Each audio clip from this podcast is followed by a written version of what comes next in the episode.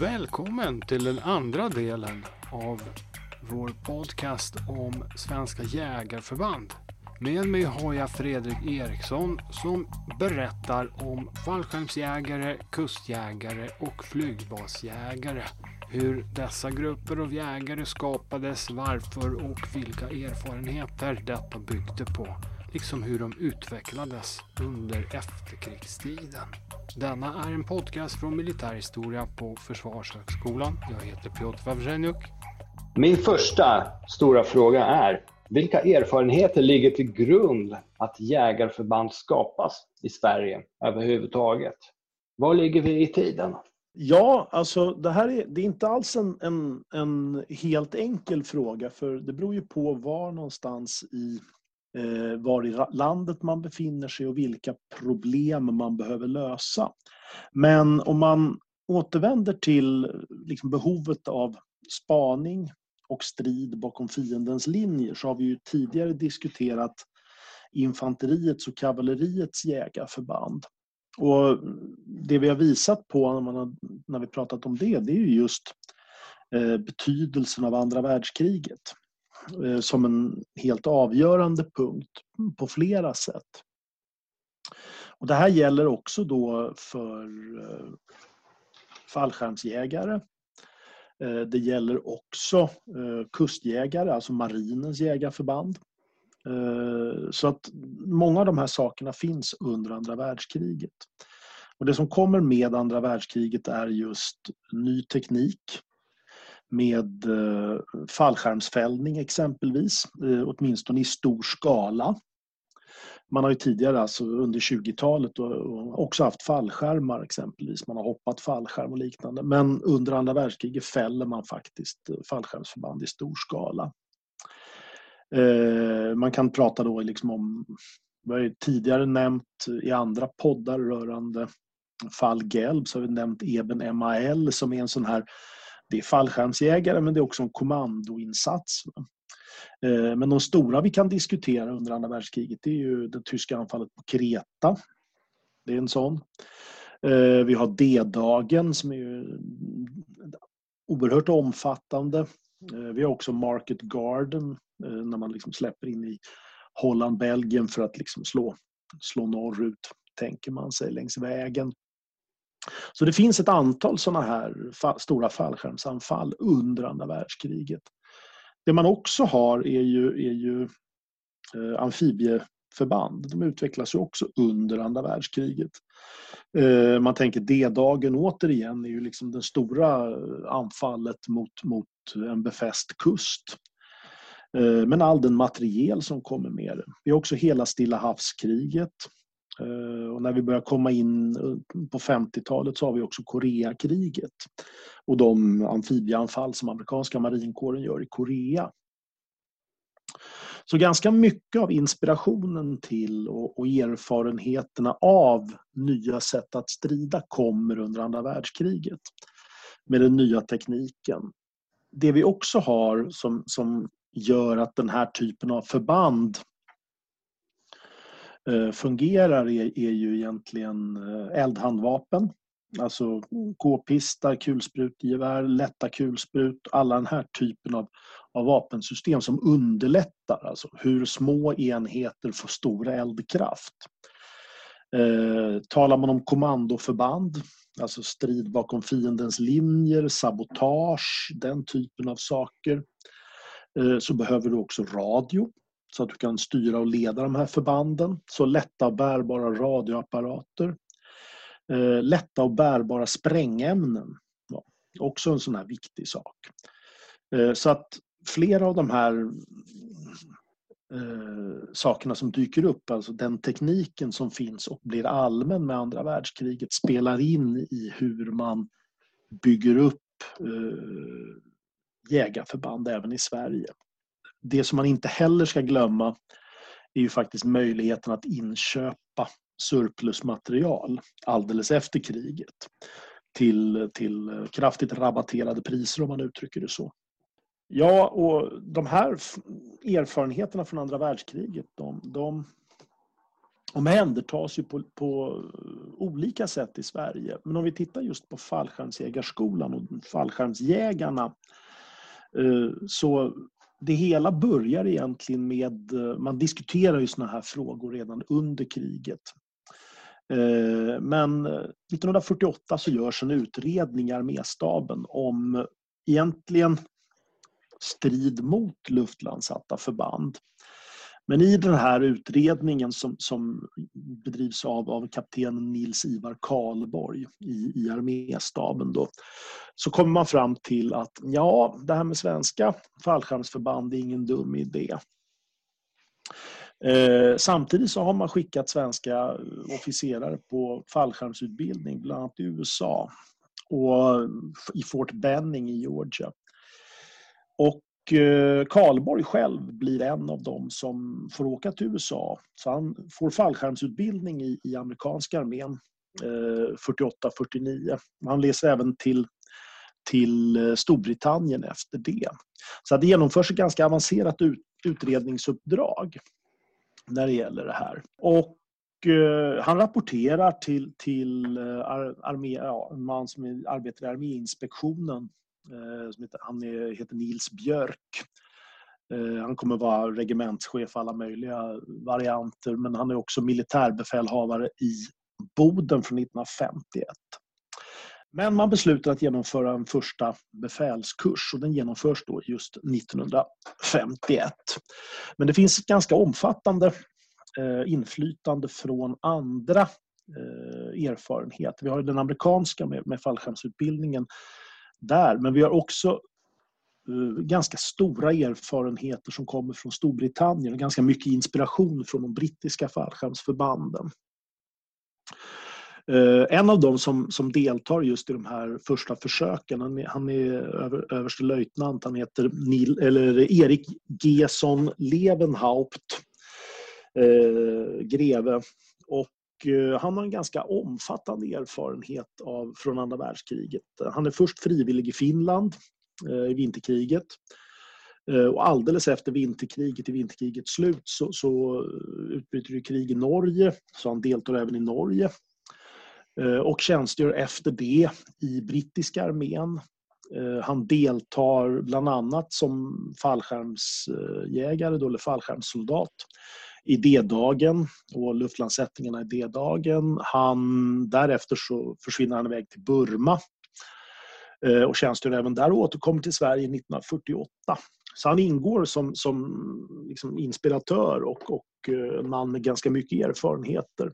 I de här första försöken så deltar även en, en brittisk eh, instruktör som heter Stan Kellaway. Han är också en sån här som ganska omfattande erfarenheter från andra världskriget. Eh, så att det finns mycket av det här brittiska inflytandet i det. Efter det här försöken med befälskursen så genomför man också en försöksutbildning med värnpliktiga. Och första gången så är det ungefär 1300 frivilliga som söker. Och av dem tar man ut 130 eh, som också går med på en förlängd eh, frivillig utbildning. Så man ligger ungefär kring 13 månader värnpliktsutbildning av de här. Det kortas lite längre fram under 60 och 70-talet, så 1970 är man nere på 10 månader. Eh, men utifrån det här så, så bildas 1954 Fallskärmsjägarskolan som egentligen då har två uppgifter. En är att utbilda fallskärmsjägarna, eller fallskärmsjägarförband. Eh, och det andra är att utbilda eh, fallskärms i fallskärmshoppning för flygvapnet. Och tittar man då egentligen vad uppgifterna är med fallskärmsförband under eh, 1950-talet så när vi diskuterade infanteriets och kavalleriets jägarförband så har vi diskuterat det här med infiltration liksom bakom fiendens linjer. Och det är samma sak när det gäller fallskärmsjägare, det vill säga infiltration genom luften. De ska alltså hoppa bakom fiendens linjer där det är tänkt någonstans på 5 till 50 mils djup är det man diskuterar under 1950-talet. Deras uppgift där är egentligen operativ spaning som en komplettering då egentligen till flygspaning. Man ska leda in eh, artilleribekämpning mot fientliga reserver. Man ska kunna genomföra eh, överfall eller störstrid, störa fienden helt enkelt. Genomföra sabotage. Eh, och, den typen av uppgifter liknar ganska mycket sån här partisankrig och fria kriget-övningar från, från andra världskriget. En till uppgift som man har är att eh, man ska också kunna eh, ta terräng i inledningen av ett anfall, liksom i samband med ett anfall. Och här ser man också den här ganska tydliga inspirationen från andra världskriget. Just den här D-dagen-tanken. Eh, och man ska egentligen slåss i, i pluton. Det är pluton som är liksom stridsenhet. En större förändring egentligen inträffar under 1970-talet. Och det här hänger ihop också med, med eh, förändringar i eh, det svenska systemet kan man säga. Fram till mitten på 60-talet så har överbefälhavaren stora resurser eller reserver till sitt förfogande så ska liksom ÖB skicka reserverna där fienden kommer att anfalla, så kommer man liksom möta fienden så. Men med kärnvapen och alla andra såna här saker så centralt placerade reserver kommer, blir ingen bra idé i det läget. Eh, så egentligen skickas i stort sett alla resurser ut till militärbefälhavarna. Och eh, omkring 1970 så börjar man fundera då hur ska vi kunna klara ut det här med operativ spaning, särskilt för militärbefälhavaren i övre Norrland. Och fallskärmsjägarnas uppgift blir allt mer att genomföra den operativa spaningen i övre Norrland för att avgöra fiendens tyngdpunkt. Det man förväntar sig då är, är ju ett sovjetiskt anfall från Murmansk-trakten ner genom norra Finland in genom Sverige och följande de vägarna som finns där i riktning Narvik. Men det man behöver veta utifrån militärbefälhavarens synvinkel är fiendens tyngdpunkt för att man då ska kunna sätta in motanfall inom en ramen för en större försvarsplan av övre Norrland men också inom ramen för fördröjningsstriden. Och det här får ganska väsentliga förändringar. Så man frångår det här med pluton som, som enhet och det blir istället patrull. Och patrullerna består, det varierar under årens gång hur stora de här är. Va? Men fem till åtta man, så där, det varierar nämligen från, från, period till, eller från tid till annan. Problemet är ju det att de ska ha lång uthållighet. De ska kunna befinna sig bakom fiendens linje i ungefär en månad. Och om patrullen är större så behöver du transportera mer underhåll och mat och såna här saker. Så att hur stor patrullen är, är en viktig fråga. Därför att det uppkommer helt andra problem du måste hantera. Delar av inspirationen till det här finns ju just i de här finska fjärrspaningsförbanden under andra världskriget. Med alltså att ligga på långt, långt, långt in bakom fiendens linjer för att där avgöra var fienden, eh, vilken fas fienden befinner sig i angreppet. Och en sak som man gör eh, i Karlsborg det, är det finns en, en, en, så att säga, en tågbana kan man säga med sovjetiska eh, fordon i miniatyr. Eh, och syftet med det här är att man ska öva soldaterna i att eh, lära sig den sovjetiska motoriserade skyttedivisionens marschordning. Så att eh, genom att på avstånd titta vilka fordon som kommer så kan man avgöra var, hur långt fienden har kommit och var tyngdpunkterna ligger egentligen. Eh, och allt det här är just för att förbereda motanfallen med de svenska fördelningarna. Det som är svårigheten för fallskärmsjägarna det är ju flygtransporten. Eh, alltså tillgången till transportflygplan i flygvapnet. Som inte allt för många. Så att beroende på hur många transportflygplan flygvapnet har, det styr då hur många fallskärmsjägarpatruller du kan ha och således hur många fallskärmsjägarbataljoner man har. Det andra är värnpliktsutbildningen. Det tar lång tid att utbilda folk i fallskärmshoppning. Och om du samtidigt ska utbilda dem i eh, spaning och alla andra såna här saker och stridsverksamhet så blir det väldigt problematiskt att hantera. Särskilt när man har då 10, 12, 10 månaders värnpliktsutbildning för, för vanliga soldater i det här sammanhanget. Eh, en sak man gör under 1990-talet, eh, man genomför försök med förlängd värnpliktsutbildning man har då 15 månaders värnpliktsutbildning för soldater till slut. Och det, och det fungerar relativt väl. Men det är så långt man kommer liksom i, i, i värnpliktsutbildning med, med fallskärmsjägarförband. Och det, här, det som man också kan säga är ju att man diskuterar ju även redan från början det här med frivilligheten.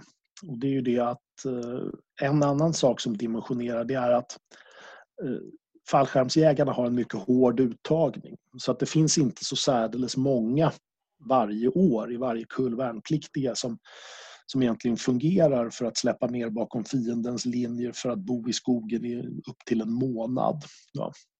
Sannolikt behöver man ett rikt inre liv för att, för att liksom kunna hantera den, den problematiken. Men eh, så det, det är ytterligare en dimensionerande faktor i de här sammanhangen. Om vi pratar om kustjägare, som jag förstår så finns det två huvudfåror av erfarenheter och behov som ligger till grund för att förbanden skapas. Och det är A. Eh, den ganska specifika svenska skärgårdsmiljön och B. Andra världskriget. Kan du utveckla det lite? Oh ja, jag kan utveckla det ganska mycket eh, också. Men för när vi talar om kustjägare, så precis som du säger så handlar det om att hantera skärgårdsmiljön. Det här är ju en miljö som man har varit tvungen att hantera löpande genom historien och det har man gjort också. Det man specifikt kan nämna är ju kanske skärgårdsflottan, och, eller arméns flotta, eh, som ju, som ju finns från mitten av 1700-talet. Eh, tidigare har man också haft galärer och andra sådana här saker. Det har, det har ingått som en del i, i, flottan, men i perioder så har man också avskaffat eh, de här. Men från mitten av 1700-talet, och då hänger just ihop med att eh, Ryssland faktiskt kommer fram till, till Östersjökusten, Petersburg grundas, Sverige förlorar vet du, eh, hattarnas ryska krig, så att gränsen flyttas. Och det finns då ett behov av att hantera just skärgårdsmiljön, den finska viken. Och där kommer just utbyggnaden av, av skärgårdsflottan. Ett viktigt namn är ju, Augustin Ehrensvärd som får ansvaret att bygga Sveaborg, liksom, och det, som är ju huvudbas för finska i skaden. Men i allt väsentligt så handlar det här om ett stridssätt som kommer att återkomma i eh, liksom, amfibiekrigföringen. Och den första taktiken, det, det kallas för stationstaktiken. Det handlar om att man försvarar olika sund och förträngningar och det gör man genom att man land, fältarbeten, man sänker sten i, i sund och liknande. Eh, men infanteri och artilleri som bygger skansar på holmar och kobbar och liknande och så vidare. Och sen så har man en, en försvarar man de här, de här inte, helt, inte helt olikt förloppet vid Stäket 1719. Nej, det är mycket likt. Det är mycket likt. Ja, det som närmast det... kommer upp här. Absolut så. Det är, det är mycket, ja, nej, men absolut så. Alltså hur man med förhuggningar och försänkningar försvarar ett område. Under 1760 och 70-talet, när man kommer längre fram, så uppkommer en, en, vad man säga, en moderniserad variant av stationstaktiken. Där du har mer rörliga eh, Eh, enheter, alltså en rörlig strid. Det vill säga, du kommer fortfarande sätta i land artilleripjäser på, på kobbar och skär. Va? Men man har allt mer av eh, artilleriet på fartygen och rör sig i... och det också, fartygen blir mindre. Ett annat namn är ju Chapman här, Fredrik Henrik av Chapman som, som Eh, är den som designar många av de här specialfartygen. För det här är ytterligare en sak som återkommer. Behovet av specialfartyg för skärgårdsmiljön. Och den här rörliga taktiken, det är alltså du har, kanon, du har kanoner på slupar, jollar, det är även större fartyg som skärgårdsfregatter och andra flytande batterier och liknande. Men alla är designade specifikt för den här miljön. Och kommer vi fram sen längre under eh, 1800-talet och, liknande så utvecklas ju kustartilleriet. För det är kustartilleriet som kommer vara, eh, vad ska man säga, de som har och utbildar kustjägarförbanden. Men precis som, som eh, sa i inledningen så finns det ju erfarenheterna från andra världskriget med eh, landstigningar och specifika landstigningsfarkoster och behovet av understöd och alla sådana här saker. I Sverige så genomförs det eh, en eh, amfibieutredning eh, som det brukar vara i de svenska i alla sådana svenska officiella sammanhang så genomförs det en utredning. Den kallas för 1954 års amfibiekommitté. Och I den så, så, diskuterar man just den här problematiken med skärgårdarna och skärgårdsmiljön. Man har byggt ut kustartilleriförsvaret i skärgårdarna men det finns inte kustartilleriförsvar överallt. Det finns också risken att eh, en fiende kan infiltrera innan kriget börjar. Så att, och då, då blir, man diskuterar nämligen skärgårdarna som någon form av bastion. Det kan vara en egen bastion eller att fienden faktiskt använder skärgårdarna mot oss som bastioner och baserar ubåtar och liknande i. Så att eh, Amfibiekommittén diskuterar just där hur man ska eh, försvara skärgårdarna. Och i, i, beslutet blir egentligen att inrätta Kustjägarskolan eh, vid KA1 i Vaxholm. Eh, och den ska utbilda en bataljon kustjägare för Stockholm och Stockholms skärgård. Ungefär samtidigt så kommer ut, utkommer en bok som heter Svenska amfibieförband, lyx eller nödvändighet. Den kommer 1955. Den är skriven av, av Bertil Stjernfeldt och Lennart Wockatz. Bertil Stjernfeldt är, är, ju inte riktigt vem som helst i de här sammanhangen. Han är en ganska viktig aktör i utbyggnaden av det svenska kustartilleriet, men också kustjägarna. Även chef för militärhistoriska avdelningen? Ja, han är chef för militärhistoriska avdelningen på 70-talet. Eh, men han, han skriver nämligen den här berömda boken Alarm i Atlantvallen exempelvis, som har varit väldigt, väldigt viktig för utbyggnaden av kustartilleriet. Det är ett annat ämne men det är ett ytterligt ett oerhört intressant ämne som, som förtjänar att lyfta, lyftas fram. Stjernfeldt och Wockatz de argumenterar just för att vi behöver fler kustjägarförband. De måste ligga i kustartilleriet, de får inte organiseras av någon annan. De är kustartillerister bägge två kan man ju tillägga. Eh, men de diskuterar också de här historiska erfarenheterna med 1700 och 1800-talets krig med skärgårdsflottan. Man diskuterar särskilt eh, fortsättningskriget, det finska fortsättningskriget och striderna kring Hangö där bland annat finska armén tillsammans med svenska frivilliga driver ut de här ryska förbanden som kommer och som förläggs till Hangö efter vinterkriget. Eh, man diskuterar striderna Bengtskärs fyr, också 1941. Eh, sovjetiska operationerna kring Viborg 44. Och sen så kommer man in då på, på de allra senaste erfarenheterna från Koreakriget med amerikanska eh, landstigningar vid Incheon och liknande. Men från 1954 55 så finns det då kustjägarförband i, det svenska, i, i Försvarsmakten, i kustartilleriet. Och deras uppgift är spaning i skärgårdar, det är det som är, är liksom det viktiga. Man ska också kunna genomföra eh, räder mot fientliga fartyg som har liksom tagits in i skärgårdar eller de finns i baser i närheten av det svenska territoriet som man uttrycker det. Eh, man ska också kunna förstärka försvaret av kustartillerifästningar eh, i skärgårdarna. Eh, sen har vi de här andra uppgifterna som blir eh, viktiga och det är just genomförandet av motanfall och återtagande av öar. Och här har vi just det här andra världskriget och D-dagen erfarenheten av hur kustjägarna ska storma kobbar och skär för att återta dessa.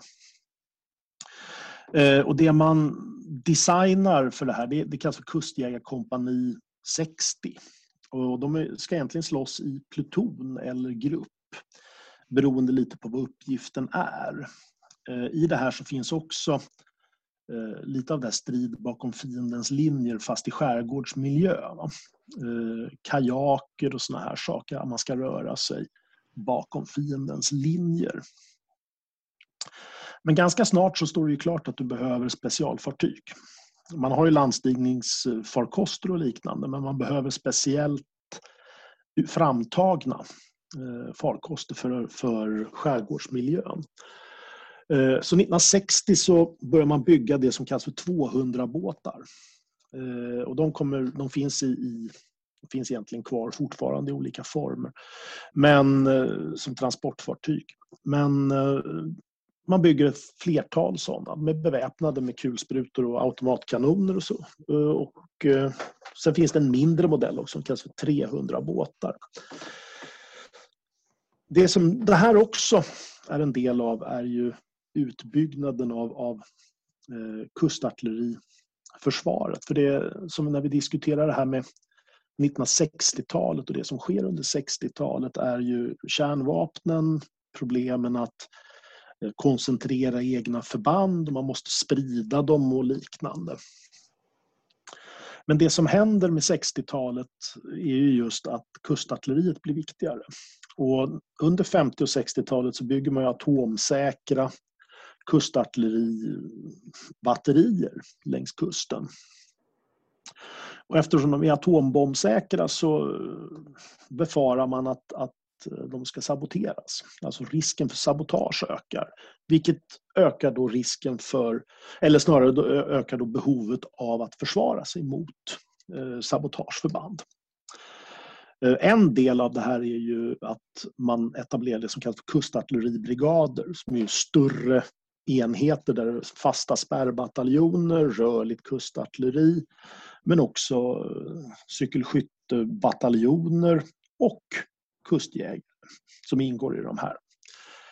Eh, under 1970-talet så finns det totalt åtta kustjägarkompanier i Försvarsmakten. Men i och med 70-talets inträde så ändras också eh, uppgiften en aning. Och även sättet man slåss på. Och kallas för kustjägarkompani 70 den här modellen. Eh, och de slåss just i kompani storlek, Men det är också att man måste möta en eh, farligare motståndare som man ser. Sovjetiskt eh, motoriserat, mekaniserat marininfanteri.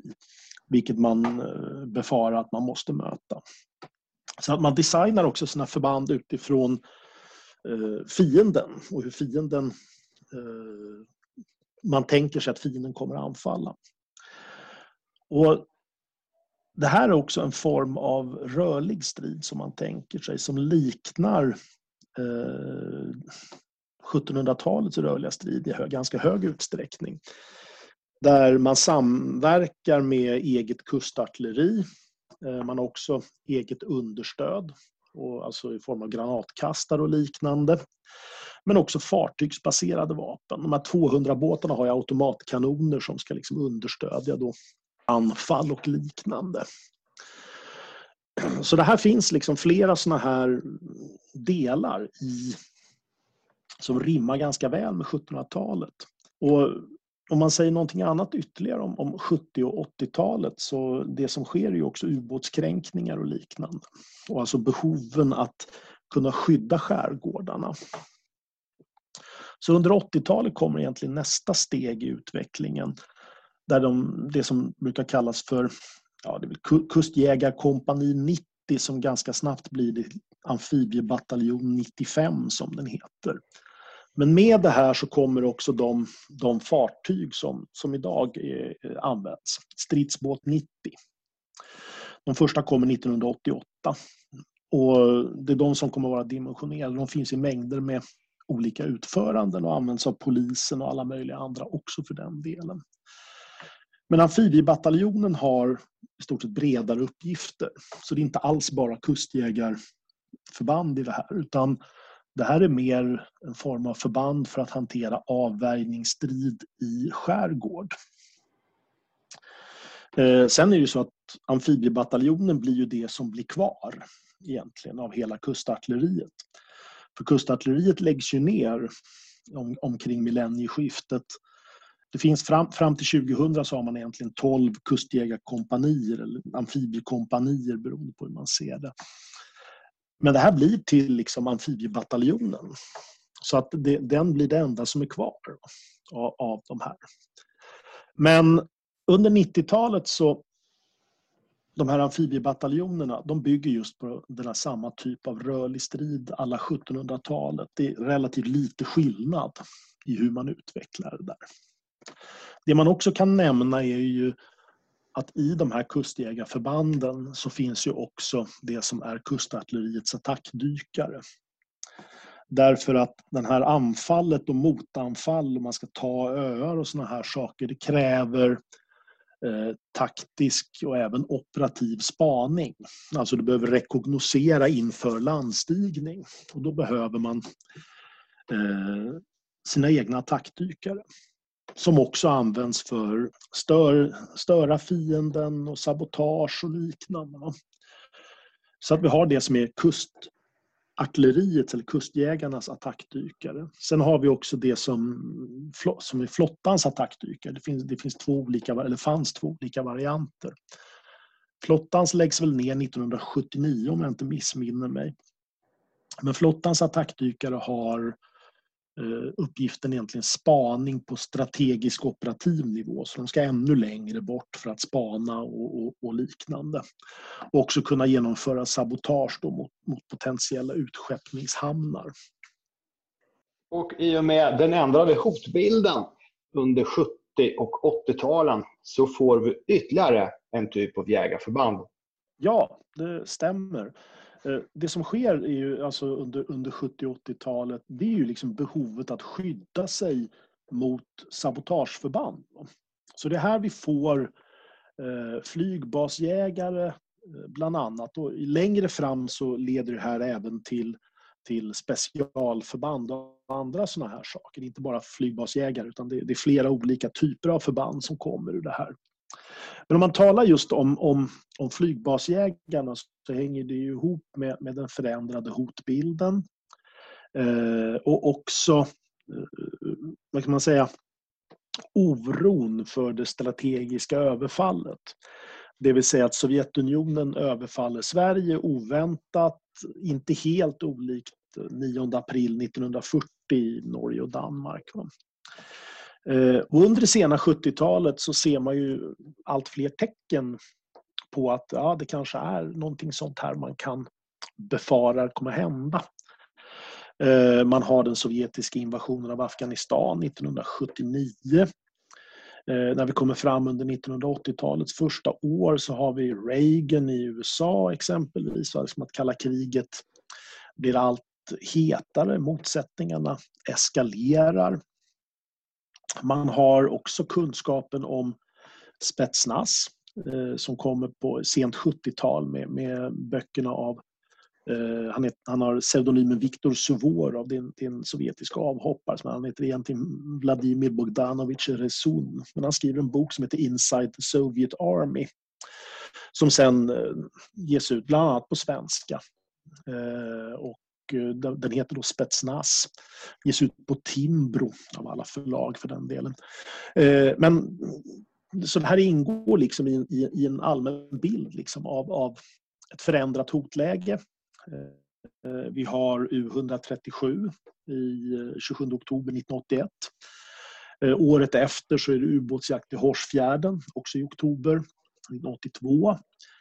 Eh, vi har eh, alltså polska tavelförsäljare och diskussionen om det. Vi har sovjetiska TIR-lastbilar som man upplever liksom kartlägger eh, riket. Alltså det finns en allmän oro för att fienden förbereder sig för ett anfall mot Sverige. Och eh, ett antal utredningar görs. Eh, en görs 79-80 och ytterligare en görs 1985-1986 om just sabotagehotet mot totalförsvaret. Den, sena, den sista utredningen där den genererar ju bland annat filmen Förebudet som finns på Youtube som ju eh, ganska många människor har sett. Eh, men den kommer just som en informationsfilm för värnpliktiga eh, som en följd av den här utredningen. Och om vi då tankar in det här just i flygbasjägare så handlar det här om eh, hotet från sabotageförband mot flygvapnet. Och som vi sa tidigare så de, i stort sett alla förband är ju utdelade till militärbefälhavarna. Så överbefälhavaren har egentligen ganska få egna förband att röra sig med. Men en sak som överbefälhavaren har är attackeskader. Flygets attackeskader. Som han kan välja att sätta in. Eh, när vi kommer fram under 80-talet så består den av tre flottiljer egentligen. Eh, I stort sett de flesta, förlag, två av dem är förlagda till, till Västergötland. Eh, så det ligger liksom i, i mellan sjöarna i, i, i Sverige. Och det som man ofta brukar tala om i de här sammanhangen det är ju, det är flygvapnets bassystem. Vi har det som är, det kallas för bas 60. Och det är egentligen det, är det vi diskuterat med vägbaser och alla såna här saker. Eh, besluten fattas redan på 50-talet, 58. Och själva grundkonceptet är att man ska sprida ut flyget med reservbaser och ordinarie baser och vägbaser och alla möjliga såna här saker. Det är alltså sprida ut flyget så mycket det går för att undvika bekämpning. Och man tycker sig också se då 19, när man tittar på det israeliska anfallet mot Egypten 1967 att det är riktigt bra att sprida ut flyget. I dess nya form, bas 60, eh, uppdateras ju i och med 1970-talet till det som kallas för, för bas 90, alltså ett modernare system här. Och tanken är egentligen att det ska vara ännu mer rörligt, eh, mobilt och utspritt. Eh, problemet är ju då som sagt att eh, man behöver närskydd. Du behöver skydda de här flygbaserna och reservbaserna och alla såna här saker.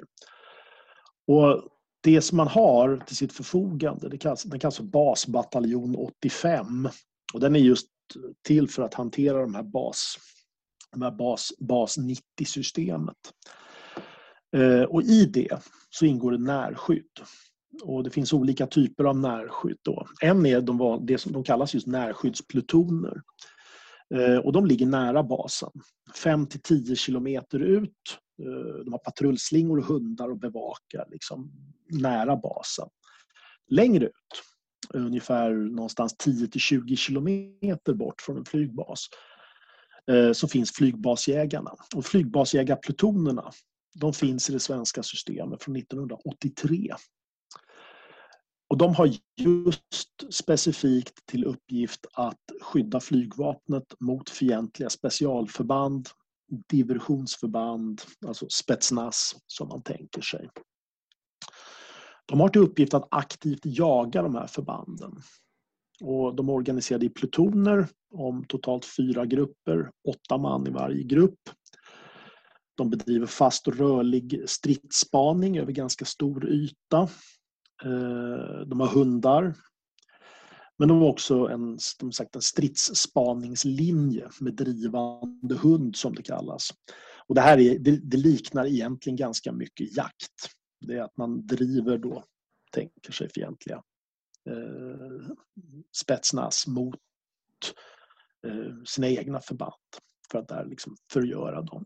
Så att det här är det, här är liksom det sista, eller senaste kanske man ska säga, tillskottet bland jägarförbanden. Alltså en typ av, av avancerat närskydd där man aktivt jagar fientliga specialförband.